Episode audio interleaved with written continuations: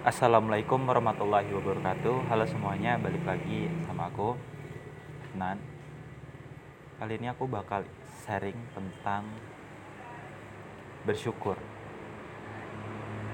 Banyak banget buku yang jelasin syukur itu apa Kayak gimana harusnya bersyukur Fenomena syukur kayak gimana Mukjizat karena bersyukur itu Seperti apa. Itu banyak banget. Tapi aku bilang itu sangat teoritis meskipun teoritis jelas sumbernya dari pengalaman asli ya. Pengalaman orang-orang yang pernah merasakan syukur.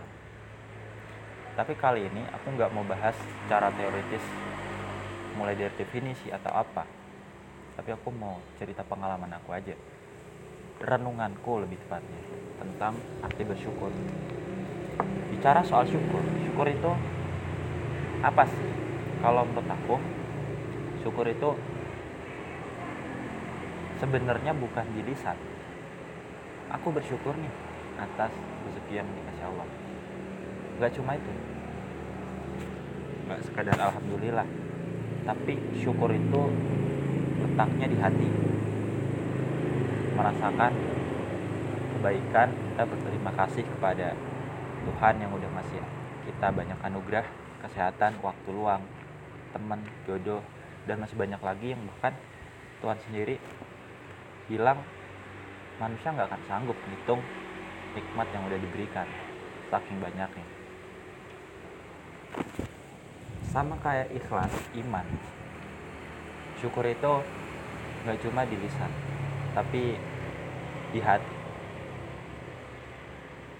Aku pikir emang semua kebaikan yang bener itu awalnya dari hati dari niat yang tulus.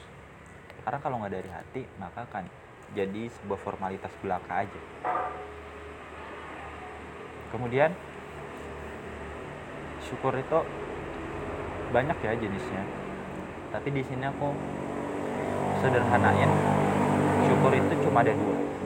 Syukur kepada Tuhan ini yang paling besar. Yang kedua adalah syukur kepada manusia aku membahas syukur kepada manusia dulu. Syukur kepada manusia ini sederhana terima kasih bukan penghambaan. Ya kita berterima kasih sama orang yang udah kasih kita makanan minuman. Nggak cuma barang seperti dibantu kita minta tolong dibantu ngerjain tugas ada tugas kelompok. Atau dia ngasih senyum ke kita itu pun kita harus bersyukur bahwa masih ada orang yang ternyata peduli dengan kita sesimpel itu syukur. Nah semakin naik ke atas syukur itu semakin kompleks. Yaitu syukur kepada Tuhan. Kita nggak bisa mustahil menghitung berapa banyak nikmat sih yang udah dikasih Tuhan pada kita. Nggak bisa. Saking banyaknya. Bahkan di surat ar-Rahman itu diulang berkali-kali. Berarti Allah sangat tegas dalam hal ini. Bahwa manusia itu harus bersyukur apa pun keadaannya Nah, kita udah mulai pada inti sharing-sharing aku. Kenapa sih banyak orang yang dia nggak bersyukur, dia ngerasa hidupnya kok susah-susah aja, menderita aja. Nah, ini perbedaan fokus aja. Kalau orang fokus pada masalahnya aja, dia lupa bahwa selama hidupnya sejak dia berbentuk sperma sampai udah besar, dia lupa nikmat yang udah dikasih Tuhan. Kita rinci secara sederhana ya. Sejak sperma kita udah dimenangkan oleh Tuhan. Karena kita kan bersaing dengan jutaan sperma yang lainnya. Tapi cuma satu yang lolos itu kita ini. Yang lahir ke dunia itulah pemenang. Kita aja udah ditakdirkan pemenang oleh Tuhan. Masa kita kalut kalah dengan penderitaan yang sebenarnya nggak seberapa dibanding nikmat yang udah diberikan kemudian kita disapih oleh orang tua. Dikasih penghidupan istilahnya. Masa kecil adalah masa yang paling indah bagi banyak orang. Bisanya main-main aja biar tidur istirahat. Belum memikirkan banyak hal. Beranjak sekolah SD SMP SMA SMA kita udah mengenal cita-cita asmara. Udah aktif organisasi sampai kuliah sampai dapat kerja sampai dewasa sampai pada akhirnya meninggal. Kayak gitu. Nah antara rentang waktu katakanlah 50 tahun ya masa kita susah terus? Enggak kan? Bahkan di surat al-insyirah Allah bilang sesudah kesulitan ada kemudahan. Itu diulang satu kali. Berarti kan tegas banget Allah memberikan kemudahan setelah kesulitan caranya dengan apa? Ya sabar dan sholat. Itu di surat al-baqarah. Sabar dan sholat. Kenapa? Sabar itu lebih dahulu dibanding sholat. Kalau aku dengar kajian ustadz banyak ustadz yang bilang kayak gitu. Intinya sabar itu bukan berarti diem. Kita nggak ngapa-ngapain tapi kita tetap berusaha tapi tanpa mengeluh. Kita menerima.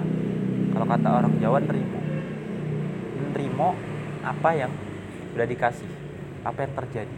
Ya bukan pasrah juga. Tapi ya ikhlas. Ya wes lah itu terjadi. Kita introspeksi merenung oh bisa jadi ada salah ada dosa yang aku lakukan sehingga aku mendapat ini mendapat musibah ini. Kita renungi kita dapat hikmah di situ kita bisa jadikan pelajaran. Sambil kita berikhtiar lagi bertawakal lagi itu inti sabar. Barulah kita kemudian sholat. Tapi ini beriringan ya. Sabar. Sholat itu harus beriringan. Sholat kita mohon sama Tuhan. Ya Tuhan nah, berikan kekuatan buat melewati hujan ini kesusahan ini. Jadikan hamba orang yang bersyukur atas nikmat yang kau berikan. Jangan buat kami lalai. Dari sesimpel itu aja doanya nah, setelah itu ya balik lagi ke aktivitas seharian tapi dengan semangat yang baru kalau ada musibah ingat sama Tuhan kita bersama Tuhan Tuhan itu nggak bakal ninggalin kita apa pun keadaannya. Kalaupun orang yang kita cintai pergi meninggalkan kita, mati katakanlah. Dia nggak bisa balik lagi teman kita. Tapi Tuhan akan selalu ada selamanya buat kita selama kita ingat sama Tuhan. Yakin. Banyak banget keajaiban yang terjadi ketika kita benar-benar yakin sama Tuhan. Aku bagikan kisah masa kecilku ya ini sebenarnya mustahil terjadi tapi untuk Tuhan enggak. Jadi waktu kecil entah umur berapa aku masih di sekolah di depan rumahku. Oh ya rumahku dulu itu masih di Depok Jawa Barat. Depan rumahku ada lapangan. Lapangan itu masih biasa. Belum uh, belum ada pembatas yang kayak pagar. Pembatasnya ya pagar besi itu yang pendek aku ke sana oh ya saat itu masih jarang rumahnya masih berjarak masih asri nggak kayak sekarang sekarang mungkin udah ya kayak gitulah aku ke lapangan kan sore-sore aku lari-larian tuh mau menghampiri salah satu anak yang main layangan. Nggak disangka ada motor kenceng melilit kakiku. Jadi entah gimana caranya ada benang layangan benang apa ya itu tajam ke bawah motor entah gimana cara tiba-tiba melilit aja kakiku dililit benang itu. Ya karena kakiku masih rawan ya namanya kaki anak kecil ya tiba-tiba potek gitu kayak patah. Cuma nggak patah sempurna gitu. Cuma patah sebagian kayak telek. Nggak putus tapi retak gitu. Patah terus bolong kan. Tapi kayaknya nggak sampai retak deh. Cuma kelupas. Jadi cuma apa ya kelupas aja di ini masih ada bekasnya pak. Kalau dari dilihat dari bekasnya dia nggak sampai patah full cuma dia sempat kebuka tulangnya tuh. Kalau nggak salah ini disambung. 13 jahitan. Karena pakai obat bius ya jadi nggak kerasa sakitnya gimana. Nah waktu itu yang nolongin itu almarhum kakek aku. Kakek dari ibu. Waktu itu beliau uh, lagi apa ya istirahat layeh-layeh di depan rumahnya. Terus tahu cucunya jatuh ya langsung di, di apa ya, ya ditolongin gitu. Sampai sini aku terharu nangis kalau ingat kejadian itu. Bertahun-tahun sampai sekarang aku menyadari benar sih. Oh kisah kisah masa kecilku ternyata apa ya istilahnya masih ada Tuhan di sana yang masih sayang sama aku menghadirkan kakek almarhum kakek aku nolongin aku saat itu. Bayangin aja kalau pertolongan Allah nggak datang aku nggak bakal buat podcast sekarang. Nggak bakal bisa hidup sampai sekarang. Ya usia aku cuma stuck di situ aja lima tahun apa empat tahun. Itu pengalaman yang cukup. Sebenarnya kalau dinalar dinalar mustahil. Kebetulan rumah sakit juga lumayan jauh saat itu kalau nggak salah sekitar 2 atau 4 kilo 5 kilo jauh. Tapi alhamdulillah aku bersyukur banget sampai sekarang masih bisa hidup. Nah sekarang gimana sih cara kita belajar buat bersyukur? Yang praktis aja. Kita mulai dari sederhana dulu. Kalau kita bangun tidur kita berdoa. Aku lupa Arabnya gimana. Ya buat semua orang doanya gini aja.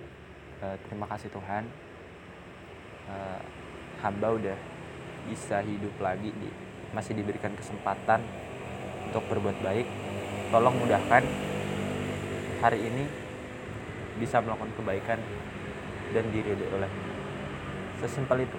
Doa terus kita ke kamar mandi gosok gigi buang air. Terus kalau bagi Islam sholat sholat subuh syukur-syukur sholat tahajud. Minta sama Allah karena Allah itu bakal datang dalam tanda kutip turun ya? Turun bilang kayak gini aku akan mengabulkan doamu. Aku akan mengampuni dosamu. Seperti itu. Istilahnya kayak begitu. Kemudian kita buat list list kegiatan apa aja yang mau kita lakukan. Itu yang aku lakukan setiap hari.